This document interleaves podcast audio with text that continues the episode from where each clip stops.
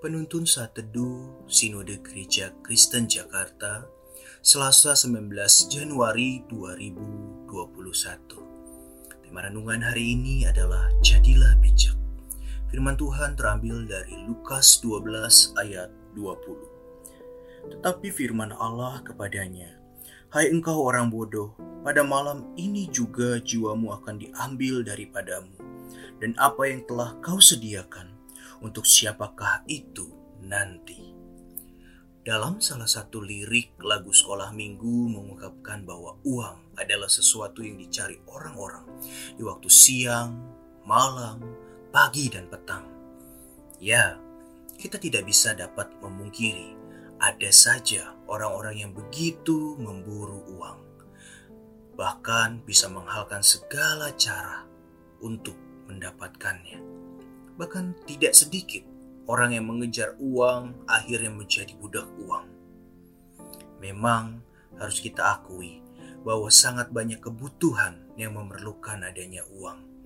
Namun hal itu bukan menjadi alasan untuk menjadikan uang sebagai segalanya dan menjadi pengejaran utama dalam hidup ini. Kita perlu menjadi bijak dalam memandang perihal tentang uang ini. Sehubungan dengan menjadi bijak, perumpamaan yang terdapat dalam nas hari ini secara tidak langsung menghimbau kita untuk menjadi bijak. Hal ini terlihat dari kehidupan orang kaya yang bodoh itu. Ia dikatakan bodoh bukan karena tidak memiliki pengetahuan. Kita bisa melihat dari hasil panennya yang melimpah.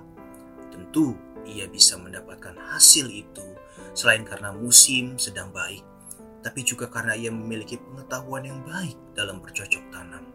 Ia dikatakan bodoh karena hidupnya bergantung dan berfokus pada harta dan tidak melibatkan Tuhan.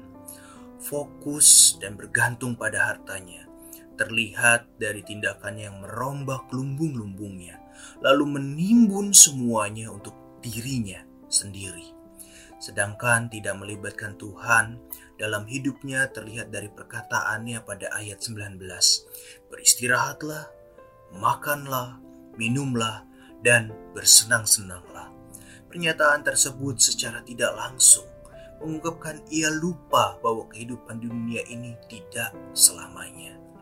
Ia juga melupakan bahwa semua manusia pada akhirnya akan kembali kepada Sang Pencipta, dan semua tindakan kita akan dipertanggungjawabkan di hadapan Tuhan setelah kematian melalui bagian firman Tuhan yang telah dibaca dan direnungkan hari ini. Kita diingatkan untuk menjadi bijak dalam memandang tentang kepemilikan. Tuhan ingin kita menyadari bahwa kita bukan pemilik atas seluruh harta yang kita miliki saat ini. Kita adalah pengelola yang dipercayakan oleh Tuhan. Semua yang kita miliki di dunia ini adalah titipan Tuhan karena Tuhan adalah pemilik segalanya. Tuhan juga tidak ingin kita bergantung pada harta kekayaan, karena sifat harta yang hanya sementara, serta kita harus mengingat bahwa suatu hari kita akan kembali ke hadapan Tuhan untuk mempertanggungjawabkan semua yang telah kita lakukan di dunia ini. Bijak-bijaklah mengelola kepemilikan yang telah dipercayakan Tuhan. Tuhan Yesus memberkati.